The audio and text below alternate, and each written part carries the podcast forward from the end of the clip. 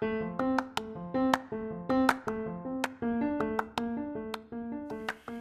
ho, terima kasih karena telah meluangkan waktu untuk mendengar.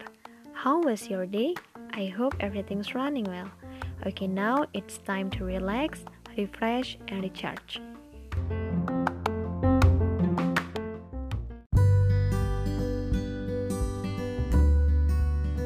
Halo para pendengar Venesia yang udah pasti kita lagi, kita lagi ya.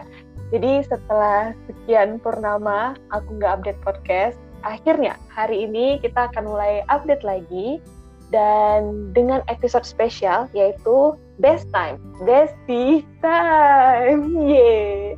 Jadi di sini aku akan keren ya. Nah, jadi kita di sini tuh aku akan mengundang para bestie santai terkait hal random, mulai dari kehidupan, hubungan, masa lalu, isu terkini atau bahkan hal-hal random lainnya ya. Nah, jadi di episode perdana kali ini aku akan mengundang para Besti, Ukti, Ani, Ilma, dan Lisa. Iya. Kita hari ini terhubung secara virtual, jadi di tempat yang berbeda. Halo, Valisa. Halo Cipa dan yang dengar. Eh, halo. Senang sekali. Halo, Ilma. Halo, halo, halo semuanya. Halo Sipa. Terima kasih karena sudah menyempatkan waktu. Ya. ya, kasih juga ya udah mengundang kita. Oh my god. Nah, jadi di episode perdana Best Time kali ini kita itu akan membahas seputar kehidupan yang mana Yay. nantinya kita akan uh, menjawab beberapa pertanyaan dari kartu-kartu yang udah disiapkan ini. Oke, kita mulai aja kali ya. Mulai, mulai. Mulai. Bismillah. Oke. Nah, bismillah, bismillah. Bismillah. Bentar ya, kita kocok dulu kartunya. Oke, kita sebar dulu, baru kita akan kalian bilang stop ya guys. Tutup mata, dah satu, dua, tiga. Stop. Stop. Lama banget stopnya, sumpah hampir ke ujungnya. Nah, oke, kita telah menemukan satu pertanyaan. Siap-siap. Oke, pertanyaannya adalah lebih baik hidup sendiri atau dikelilingi oleh orang-orang yang nyebelin? Apa apa? Oke. Ulangin, ulangin, ulangin, ulangin. Oke, baik hidup sendiri atau dikelilingi oleh orang-orang yang nyebelin? Ah, Kita mulai dari boleh Valisa. Gimana Valisa? Lebih baik hidup sendiri atau dengan orang-orang? Nyebelin ya. Nyebelinnya tuh nyebelin gimana, Cip? Kayak adu domba, gibah, gitu. Atau gimana? Ini nggak dikasih sih, nggak nggak dikasih tahu sih Iya sih spesifiknya, ya. tapi iya. Gimana ya? Kayaknya kan gak mungkin kan kita hidup sendiri tuh. Karena yang Bener. pasti senyebelin-nyebelin orang tuh pasti mereka tuh ada apa ya? Ada kegunaannya di dalam hidup kita kan? Cia. Iya najis sih. gak? Nah, Enggak, terus enggak. Katanya, katanya kan kata wise man, weh, wise man. Kata wise man kan katanya kalau kita kalau di satu circle nggak ada yang bisa mengubah kamu, berarti itu tandanya it's time it's time for you to change them ya kan? Jadi Oh. ya kan jadi lebih milih hidup berdampingan dengan orang-orang nyebelin tapi dengan harapan Ica bisa mengubah mereka gitu loh jadi better than selfish asik Iya, bener banget sih ya. Iya benar-benar Mantap, setuju setuju. Karena kita jadi jadi walaupun semen- semenyebalkan apa semenyebalkan apa pun mereka, kayaknya masih bisa diterima lah ya pasti. Enggak sih di antara Iya, orang yang juga nyebelin itu, ya, walaupun kalau menyebalkan. Kalau Ilma gimana mah? Lebih baik hidup sendiri atau sama orang yang menyebalkan? Oke, eh, kalau aku sebenarnya tadi pengen jawab hidup sendiri ya. Cuman dipikir-pikir selama ini kalau sendiri tuh aku lebih banyak apa ya? lebih banyak overthinkingnya gitu lebih banyak yang bikin stresnya jadi aku milih buat hidup uh, berdampingan meskipun sama orang yang nyebelin gitu karena aku juga orangnya extrovert jadi nggak mungkin sih bisa bertahan sendirian gitu kalau sendiri tuh kayak lebih tersiksa gitu loh gitu Iya, sih Iya, benar-benar. Karena kita nggak ada sih. Mm-mm. Kok Cipa gimana Cip? Ya sama sih ya, kan yang per- paling pertama tuh Sipa penakut. Jadi kayaknya nggak bisa hidup berani. Butuh orang-orang di sekitar saya. Iya benar-benar. Sangat yang menyebalkan kayak ya udahlah tinggal kayak tutup telinga sedikit kayak ya udahlah yang penting ada orangnya gitu. Ya, ya. Oke. Next Kita lanjut question. ya teman-teman. Oke kita lanjut. Hmm. Sebentar, oke. Eh, BTW ya, guys, satu. BTW ya. Iya. BTW ini tuh Hmm. pertanyaannya bukan dibikin dari Sipa ya. Oh tahu iya, bener banget. Sipa, Iya, iya. karena Sipa bikin semua gitu kan. Ya, Enggak, keren si banget ya. Pak nggak tahu kan ya pertanyaannya Nggak si tahu. Pak sendiri nggak tahu kan. Ya, jadi ini iya. benar-benar spontan. Oke ya. Mhm. Satu, dua, tiga. Stop. Oke. Apa? Ini ya. Pertanyaannya apa nih? Ah, ini tuh sebenarnya nggak jauh-jauh berbeda dari pertanyaan yang tadi, hampir mirip. Pertanyaannya Hmm. adalah, kalau lagi kesulitan, lebih suka diselesaikan sendiri atau minta bantuan orang lain?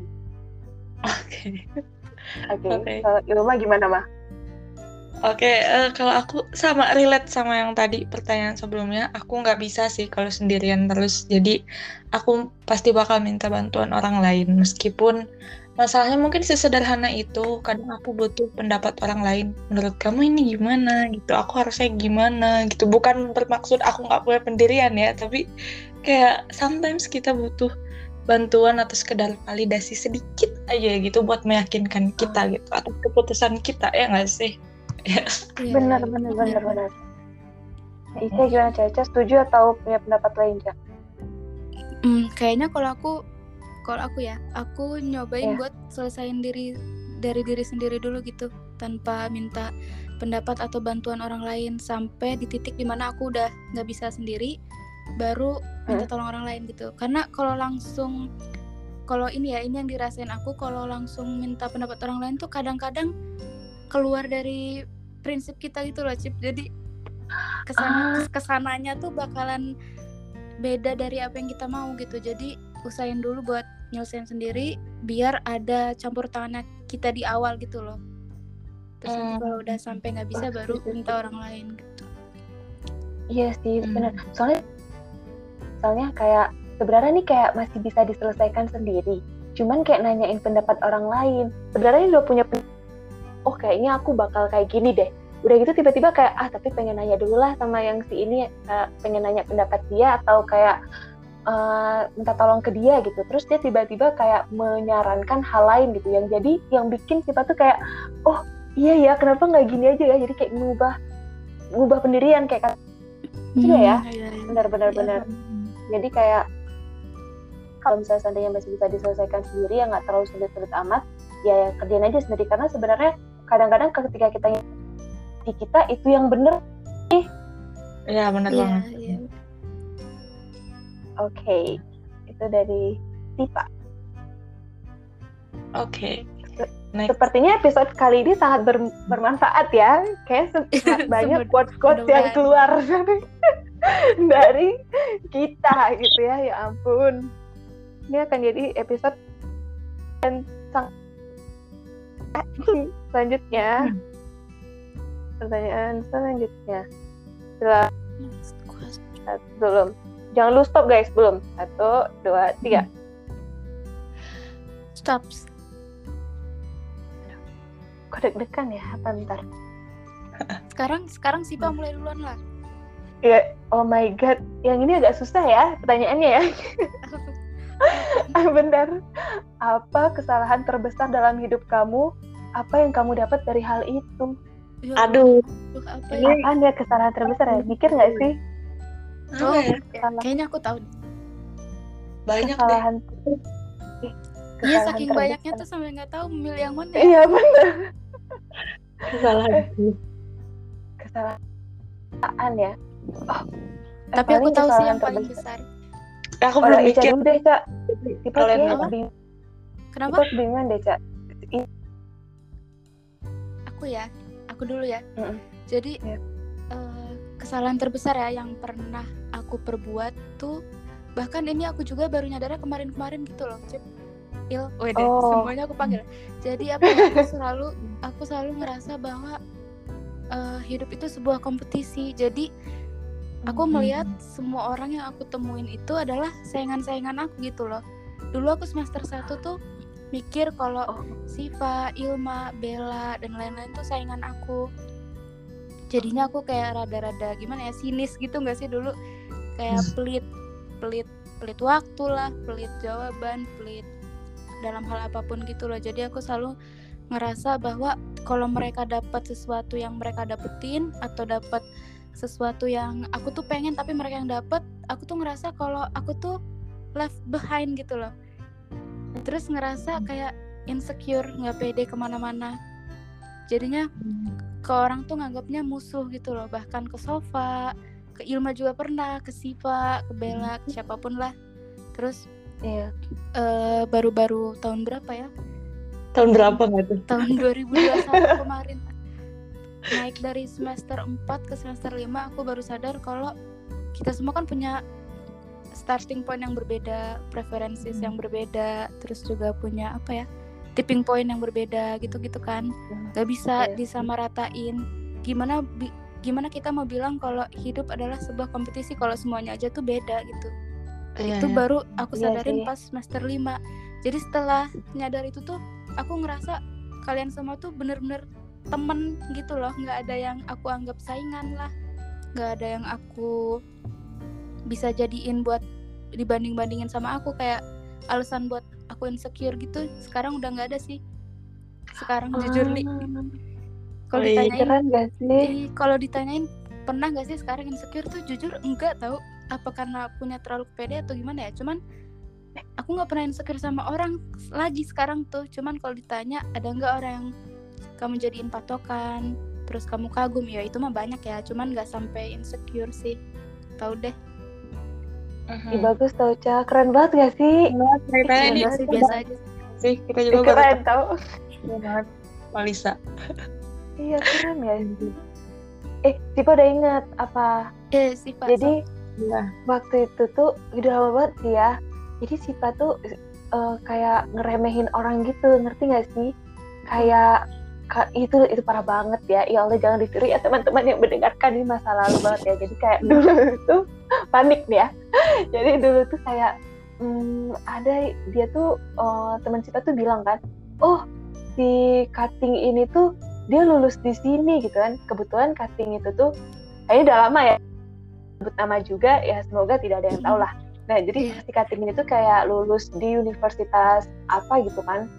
Lumayan inilah terus terny- tapi dia tuh backgroundnya tuh kayak males-malesan gitu loh. Kayak Oh. yang enggak yang yang kayak bandel gitu-gitu kan. Terus tipe kayak oh paling eh, dia ini eh, oh paling eh, mandiri ya gitu-gitu kan. Oh jalur ini ya kayak ngeremehin gitu. Sampai satu temen Tipa itu tuh yang udah deket lah ya. Kita dari ya temenan lama banget dari kecil lah. Terus dia bilang gini Tip nggak boleh kayak gitu katanya gitu itu tuh ngeremehin orang. Mana tuh memang itu rezekinya dia. Terus kita di situ kayak langsung kediam dan ah iya ya kenapa kayak gitu? Jahat banget. Kayak emang diri ini udah sempurna sampai ngeremehin orang lain kayak gitu. Hal-hal yang kayak gitu kan. Terus sampai sampai kayak ih sip nggak boleh kayak gitu. Terus itu rasanya kayak deg-degan banget kan. Kayak aduh salah banget nih. Ngomong apa tadi? Itu kayak langsung ke terngiang-ngiang sih sampai sekarang. Kayak ih nggak boleh. Itu kayak gitu nggak boleh gitu kan kita nggak tahu rezeki orang bisa jadi ya memang itu rezekinya dia gitu. Kita pun kalau ada juga yang mungkin udah pintar banget atau apa segala macam kalau nggak rezeki ya nggak rezeki juga gitu. Jadi kayak jangan ngeremehin lah gitu. Kita ke perbuatan baik apa kan yang bisa mengantarkan dia ke perguruan tinggi itu tuh? Itu walaupun dia, itu bandel dia. nakal segala macam ya kan? Jadi kayak Hmm. jangan banget tuh nggak boleh tuh rasa bersalahnya tuh masih membekas. Gitu sih. Iya. jadi belajar banget Iya Wow. pasti. Deep ya guys ya, kok jadi deep banget ya, deep ya. Baik banget tuh ilmu Untung ditemukan gitu ya sama teman kecilnya.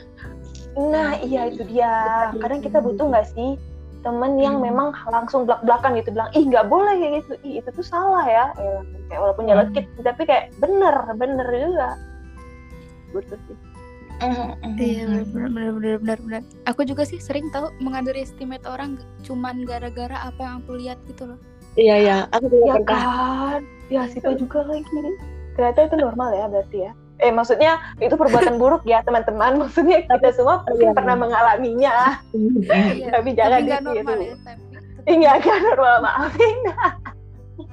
manusiawi, cuman Manu- harus iya, itu dihindari dia. gitu. Ya benar manusiawi tapi harus dihindari. Aduh di highlight ya ini ya. Oke, Ilma, Ilma ada nggak mah?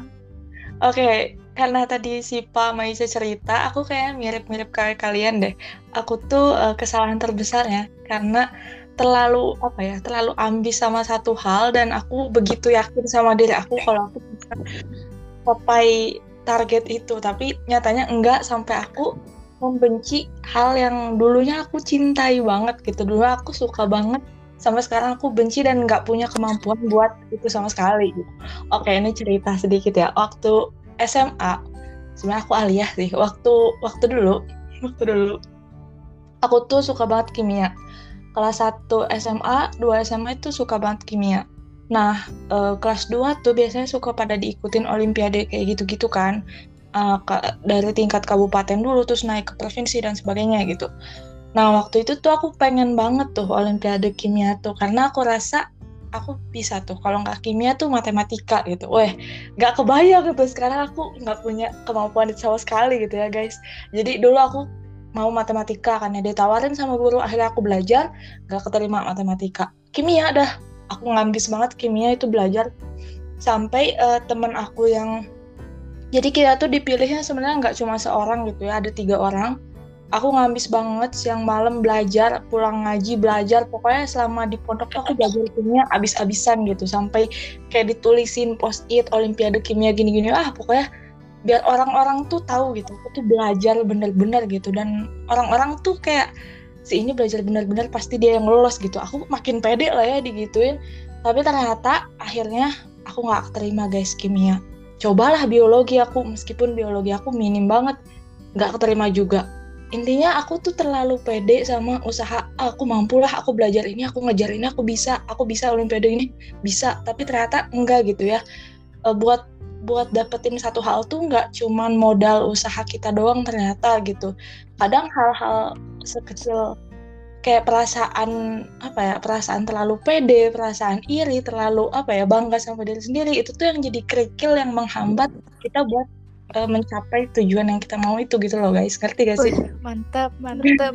Iya benar benar benar. Iya, ini kikir banget. gak sih kalau kayak gitu tuh kayak terlalu ya tinggi hati gitu sampai Iya, akhirnya iya, iya.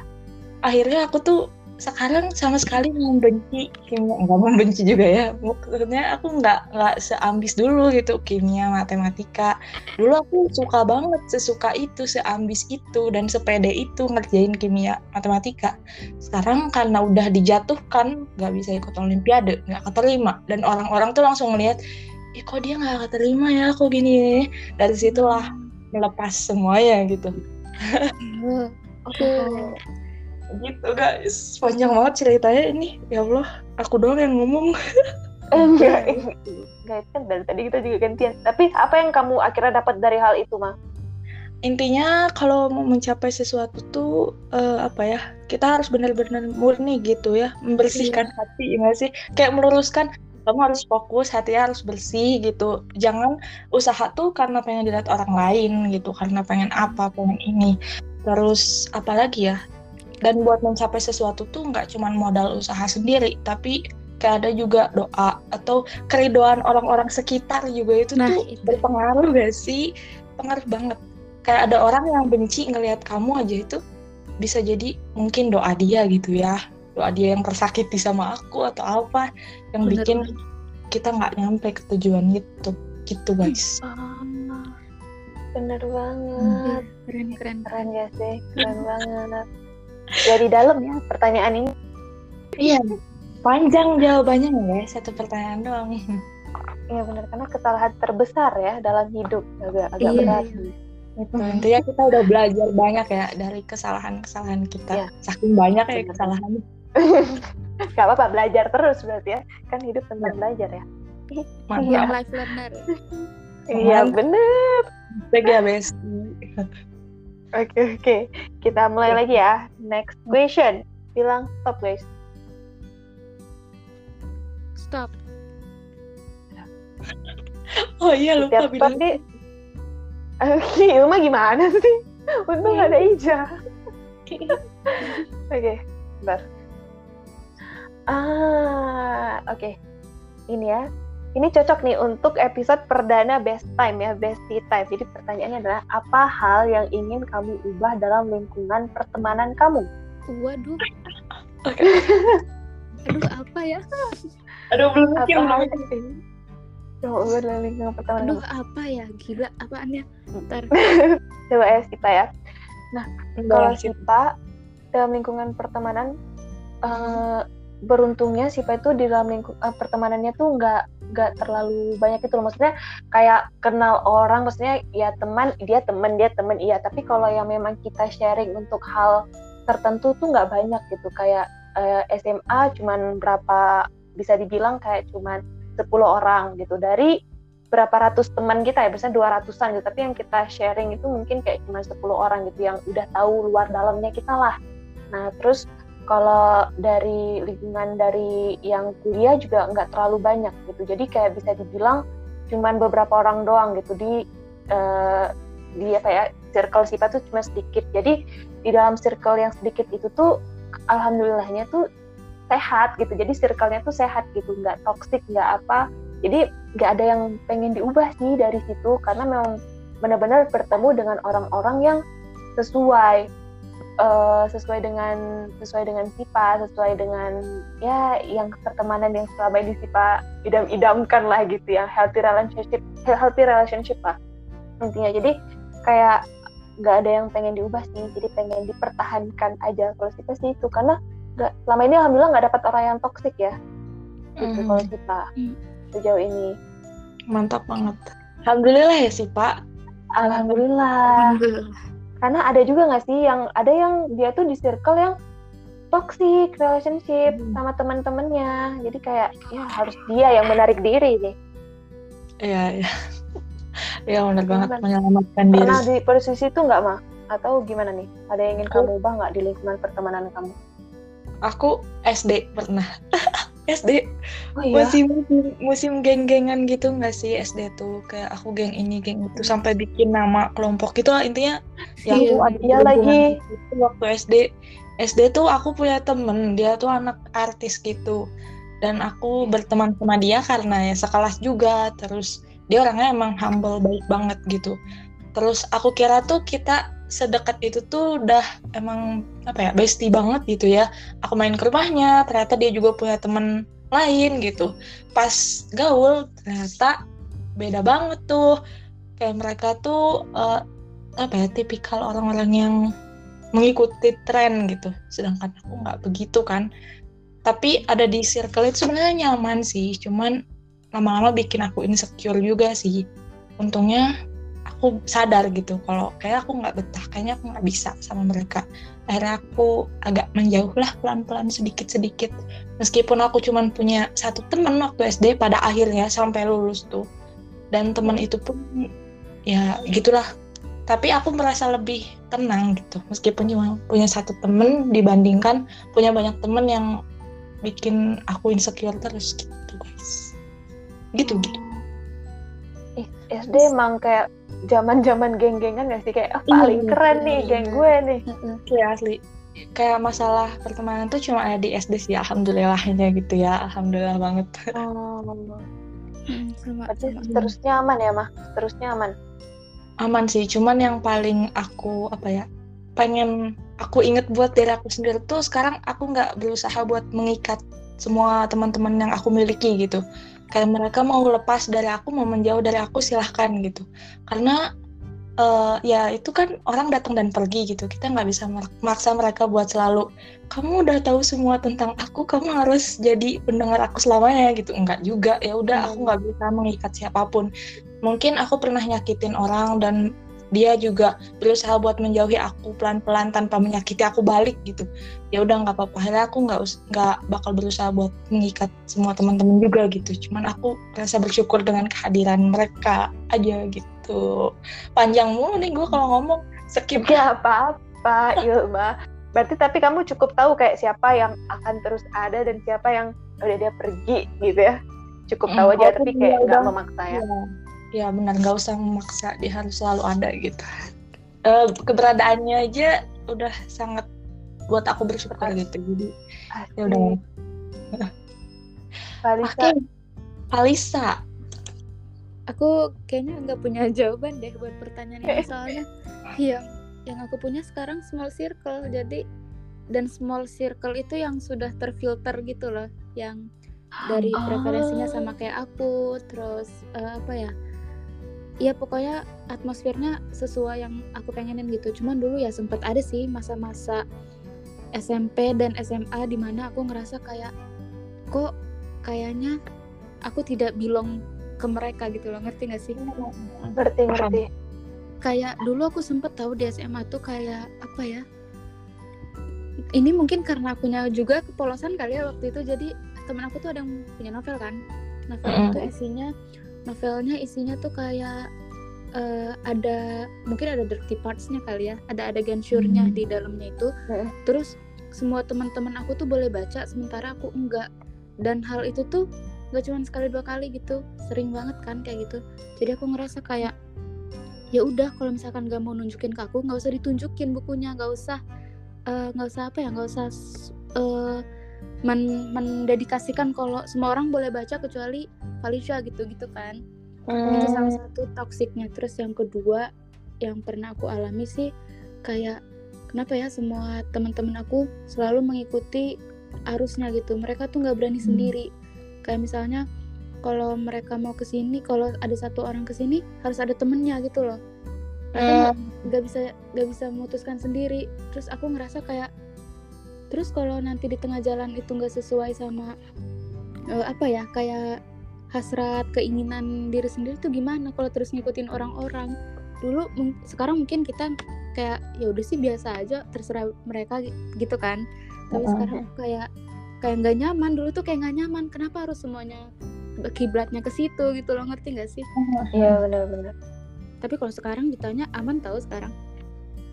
Iya ya, udah stabil iya mungkin Ya. karena udah dewasa juga kali ya iya benar. Temen-temen aku yang SMA itu mungkin sekarang udah nggak gitu lagi cuman itu yang sempat aku rasain dan pengen aku ubah gitu loh iya Oh sih iya benar-benar. Terus ada juga statement yang bilang semakin kita besar tuh lingkungan lingkungan pertemanan kita tuh semakin sempit ya. iya benar benar benar lihat di Karena iya udah sampai tahap gitu situ nggak sih kita Mm-mm. iya benar, karena kita udah bisa nyaring nih, udah bisa filter kan kayak oh dia oh enggak lah. Oh dia oke oke gitu. Jadi Iya. kalau seandainya pun kita ada di komunitas atau satu circle itu biasanya kita kita tuh yang menarik diri kayak oh ini enggak deh, kayak ini enggak bakal bisa bikin kita berkembang deh di sini. Jadi kayak lebih baik Iya. menarik diri. kalau dulu Iya, tuh meskipun nggak nyaman tapi ya udahlah ayo ikutan gitu sama Definisi. sama sama mereka gitu kan iya yang Iya teman benar-benar. ada gitu meskipun kita nggak nyaman tapi sekarang makin ke sini definisi temen tuh ya yang bikin kita nyaman gak sih Iya sehat benar tuh, banget. iya kuat Iya. dulu kenapa ya? Dulu kayak sok keren gitu gak sih kayak ih yang penting geng-gengan nih bos. iya betul semakin banyak teman semakin keren gitu kan Iya. Mm. Semakin karena kita teman, diajarinnya kayak gitu nggak sih cari Oh, banyak iya. temen tapi harus Iya, banyak banyak temen gitu kan waktu kecil tuh Oh, main semua iya. temen apa apa tuh temen gitu kan padahal pas Iya. udah oke next Padahal-. Ya benar. Padahal nggak semuanya baik. Oh ya, oke. Next question. Bentar, bentar kita buka dulu. Ilma belum. Bentar. oke Belum, belum ya. Ini kita juga belum iniin kartunya nih. Bentar, jangan stop dulu. Buru-buru amat, Bu. Bentar ya. Nah, oke. Satu, dua, tiga. stop cepet banget. Oke oke oke. Kok setiap stop tuh setiap deg-degan ya? Apalagi nih pertanyaannya? oh ya Allah, kan bener.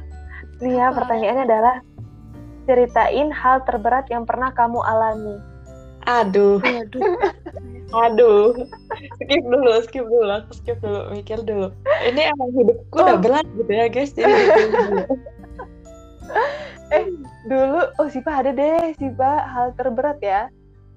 Hmm, Tapi mm, mau yang terbaru-baru ini atau yang dulu? Oh, yang nggak yang dulu aja deh. Nah, jadi yang dulu tuh Sipa pernah semester lalu deh kayaknya semester lalu tuh kan kita tuh masih pandemi yang mas berujung kayak maksud pandemi tapi kayak mau offline gitu. Kayak semi Mhm. offline, tau nggak sih kayak oh kita nih akan offline ya. Jadi kayak udah banyak mata kuliah tuh yang udah bisa ke kampus gitu. Jadi ya hybrid lah yang masih jauh Hmm. itu online, yang dekat-dekat ke kampus. Nah, jadi ada satu momen di mana kita tuh harus milih mau ikut eh, balik ke kampus min apa maksudnya sih Pak eh, ke Bandung atau ikut program eh, kampus Merdeka yaitu eh, kampus mengajar. Jadi kalau kampus mengajar tuh sih Pak rencananya tuh mau milih di Aceh gitu. Jadi kan pilihannya dua nih, stay di Aceh untuk eh, ikut program kampus mengajar atau ik- balik ke Bandung. Itu tuh kayak dilemanya kayak nauzubillah ya, kayak nangis banget gitu kayak apa yang harus kupilih. Nah itu tuh Hmm. hal terberat berarti Pak. Sebenarnya bukan yang berat yang gimana ya. Harusnya kan berat yang bermasalah ya, tapi ini Sipa tuh kayak sampai yang apa yang harus kupilih karena ini adalah menyangkut tentang Hmm. aku harus balik ke Bandung atau stay di sini karena udah dua tahun gitu stay di di Aceh gitu kan jadi eh, waktu itu tuh eh, masalah kita transisi dari yang sebelumnya offline ke online aja tuh udah berat sih menurut kita tambah lagi Sipa tuh harus menentukan mau tetap stay jarak jauh atau balik nih ke Bandung itu jadi hal yang bikin nangis dan apa yang harus kupilih dan pada akhirnya saya memilih ke Bandung Kenapa tuh? Kenapa ke Bandung? Akhirnya. kenapa nggak tahu ya hati Sipa bilang kayak kayaknya ke Bandung deh sih gitu. Kayak kampus mengajar kayaknya bisa yaudah lah mungkin bukan kesempatan yang sekarang. Karena kampus mengajar ini dari sebelum dibuka ya itu Sipa udah mulai ini tau baru dicanangkan aja Sipa kayak oh aku harus ikut nih. Jadi ketika kesempatan itu datang itu jadi hal yang kayak dilema terbesar gitu. Ya udah Mhm. jadi akhirnya kayak hati Sipa bilang balik ke Bandung karena udah dua tahun ini pandemi dan selalu di rumah di rumah aja. Jadi kayak udah saatnya balik ke Bandung. Oke deh itu terberat ya sampai yang kayak memutuskannya itu sampai nangis dulu nih. Ada nggak guys? Kayaknya nggak Ya, terlalu ya. berat ya di mata kalian kayaknya biasa aja. Berat tiba-tiba Soalnya- itu. soalnya jaraknya tuh bukan ya memutuskannya tuh bukan cuman tentang kamu mau ini mau itu doang. Jaraknya juga terus nanti mungkin ke depannya kamu kuliahnya gimana dan sebagainya aku bisa nggak ya bertahan? Terus itu juga apalagi waktu itu kita kuliahnya belum begitu pasti nggak sih? Kayak offline full atau online lagi nih itu kan. Oh iya Emang- benar-benar pasti pasti dilema banget sih. Dan prodi juga belum tentu menyetujui ya kampus berdek mengajar waktu itu waktu itu ya Iya. guys. Ya waktu itu. Kenapa? Iya. Nah, kalian ada nggak guys? Palisa dulu deh Aku kayaknya ini deh. Aku kayaknya waktu peralihan dari SMA ke kuliah kan. Karena aku sebelumnya belum pernah hidup sendiri. Whether Iya, itu banget nih. ngekos Benar, atau benar, berasrama gitu kan. Dan aku tuh ya jujur aja nih, dulu tuh waktu zaman SMA kalau mau makan tuh selalu diingetin.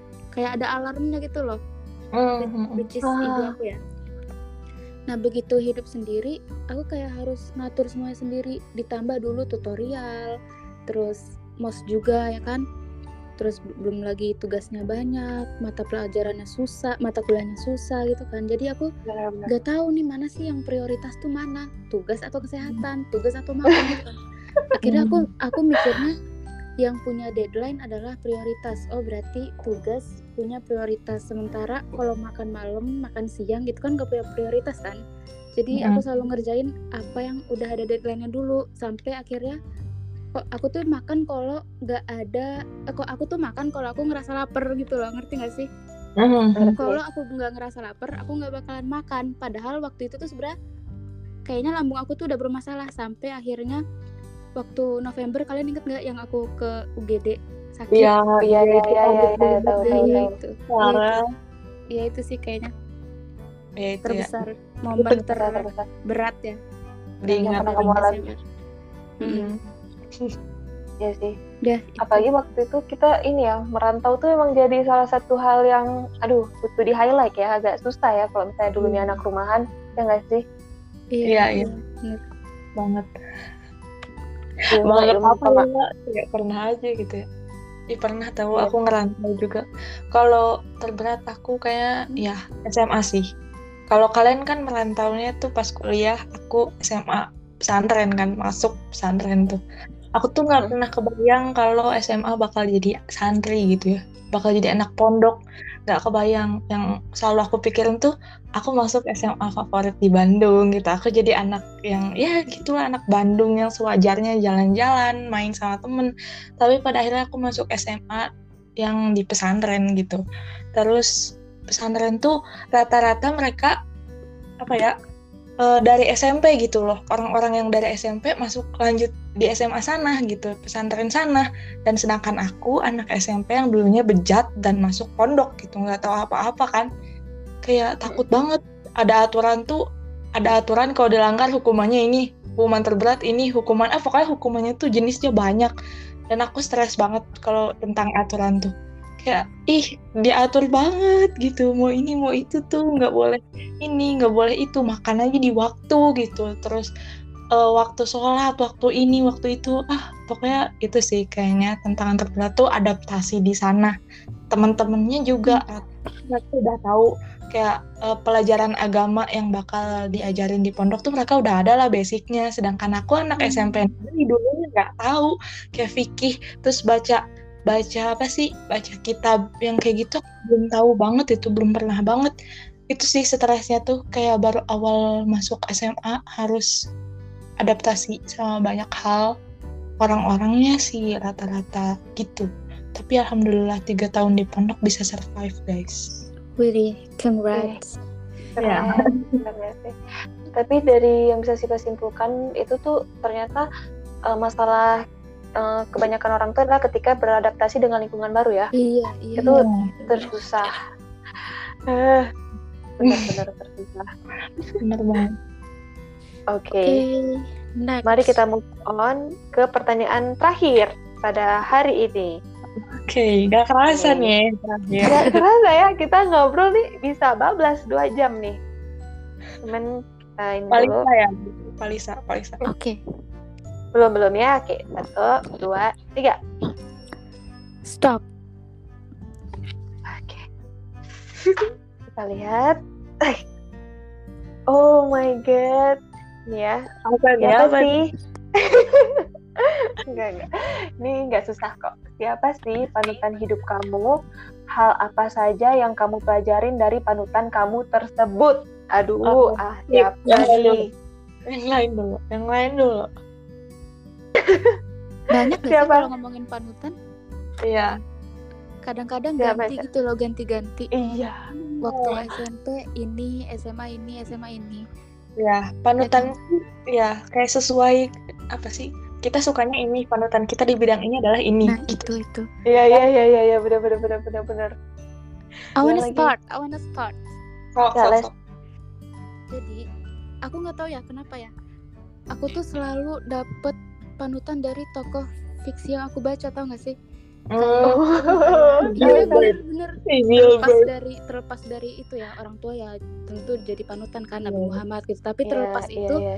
ada ada beberapa tokoh fiksi itu yang aku jadiin panutan kayak Elizabeth Bennet terus Jane Iya. Eyre Gilbert terus juga terus juga Ain and yang di Ain with- an E terus Mhm. yang di Sarah yang di Little Princess itu tuh mereka ngajarin sesuatu yang kayaknya aku nggak bakal dapet experience yang mereka dapetin gitu loh ngerti gak sih Mhm. Ngerti. mereka hidupnya susah kan mereka hidupnya susah sementara aku tuh alhamdulillahnya nggak pernah di, di situasi yang sesusah itu gitu jadi begitu baca story mereka pengalaman mereka aku tuh kayak dapat sesuatu yang baru gitu loh. Kayak ih, mereka sabar banget. Mereka ya meskipun fiksi tapi kan ada juga kan yang bisa diambil hikmahnya gitu. Iya benar. bener bang Iya. tapi benar bukan banget berarti aku nggak punya panutan orang asli ya. Ya punya lah itu mah. Banyak malah. Cuman baru-baru ini semenjak aku suka baca yang sering aku kagumin yang sering aku jadiin panutan itu tuh tokoh fiksi tau sebenarnya iya iya agak aneh Oh. tapi ya itu it is what Aneh it is. tapi nyata ya, Kak. Keren-keren. Eh, Ilma ada nggak, mah? Udah nemu belum? Oke. Kayaknya kalau dipikir-pikir aku juga mirip kayak Valisa deh. Aku tuh gampang apa ya? Kan kayak panutan tuh orang yang apa ya meninggalkan jejak kebaikan terus kita ikutin yang positifnya karena kita terinspirasi dan sebagainya gitu. Kayaknya aku juga mirip deh kayak Ica. Aku selalu ngumpulin nggak selalu juga sih suka ngumpulin kayak quotes quotes terus aku suka bercerita sama seseorang orang yang nanggepin aku cerita orang yang ngasih aku pendapat atau solusi dari cerita aku atau yang bacaan yang aku rasa "Ih, ini relate itu sih kayak panutan aku iya, Banyak. Mm-mm. Itu sih Iya. aku kalau misalnya tokoh yang jadi panutan di eh, terlepas dari yang kita wajibkan bingung sih semua Iya, ada bidang kan? semua ada Iya. bidang Bener-bener. Sama sih bingung lagi. Baru-baru ini lagi ngeliat ini tahu. film guys Aduh, kok ketawa ya? Film iya, tapi ini tadi sore banget gitu ya. Dari siang ke sore itu Sipa kayak terus-terusan lihat tentang Andi F. Noya atau nggak Kick Andy? oh tahu itu nggak? Nah, apa? itu program TV lama gak sih Iya, tapi Iya. sekarang kan masih ada. Nah, Iya. itu tuh jadi tiba tuh kayak ngelihat background ininya kayak keluarganya gitu. Nah, jadi gimana dia sama istrinya dalam berkeluarga lah dalam membesarkan anak-anaknya. Dia kan jurnalis ya dan reporter Iya. juga. Terus kayak pemimpin redaksi pokoknya kayak ih yang Sipa ini banget gitu kayak yang Sipa Iya. interest gitu loh di bidangnya kayak ih yang Sipa suka gitu kan jadi pas ngeliat dia tuh kayak wah walaupun Wah. ini ya mm-mm, walaupun ya eh, udah udah lama gitu ya orang yang udah lama mungkin sekarang nggak terlalu hype lagi kali ya di tengah-tengah kita kali ya di era Hmm. milenial nih tapi dia tuh kayak eh, pas banget tuh kayak ih ternyata sangat banyak hal-hal yang bisa dipetik nih dari hidupnya gitu kayak bener. Wah, keren juga. Gitu sih paling kalau ditanya satu spesifik kayak sebutkan satu. Ya nggak Bingung. tahu ya. Nggak tahu ya. Iya nggak tahu. Maaf nih nggak tahu banyak soalnya. Kayaknya orang-orang di sekitar kita juga bisa jadiin panutan nggak sih? Kayak iya di benar. lingkungan kita gitu. Ya nggak sih? Gimana mereka survive dengan kehidupan mereka? Kayak kita ngeliat orang-orang yang mungkin kurang beruntung di di lingkungan kita. Ya nggak sih? Iya bener Hesti gak sih Iya, iya. banget. Oke, jadi mungkin itu ya guys, kita sudah menjawab 1, 2, 3, 4, 5, 6 pertanyaan berat ya malam hari ini ya. itu banyak itu banyak itu Iya, kerasa. 6 pertanyaan. Nggak kerasa nggak sih? Ini Iya, berat-berat banget nih, soalnya pertanyaannya kalau ibarat soal yang ditulis di kertas kayak esai ya, bukan pilihan ganda, esai. iya kalau iya ini lancar ya guys giliran uas esai oh. bingung apa Iya. yang harus dijawab. Oke, terima kasih sekali lagi kepada Ilma dan Valisa yang telah mengisi episode Bestie Time perdana kali ini dengan membahas topik kehidupan. Yeay! malah curhat Next time kita bakal bahas ini lagi ya, bahas seputar hubungan atau mungkin masa lalu atau bahkan diri sendiri mungkin ya. iya Ya. right Nah, jadi kita mungkin masih akan terus menjawab beberapa pertanyaan dari kartu. Jadi for your information ya guys, jadi semua pertanyaan yang tadi kita yang Sipa lontarkan itu tuh berada di dalam sebuah kartu yang eh, dari kalau kalian mau beli kartunya itu adalah lemari senja. jadi ini tuh kayak kartu berisi pertanyaan-pertanyaan. Jadi kayak kita tuh bisa milih mau topik apa, terus di belakangnya tuh ntar ada kayak pertanyaan-pertanyaan. Udah deh, segampang dan seseru itu.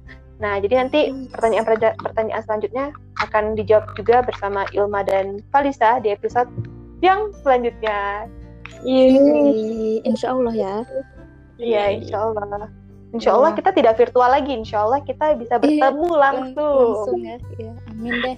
Langsung ya. Amin. Wow. Oke, itu aja buat malam ini. Makasih yang udah mendengarkan. Thank you. Thank you Siva for having me. Iya, makasih banget Thank sih. you. Makasih juga. Oke, see you. See you. Bye bye. Eh,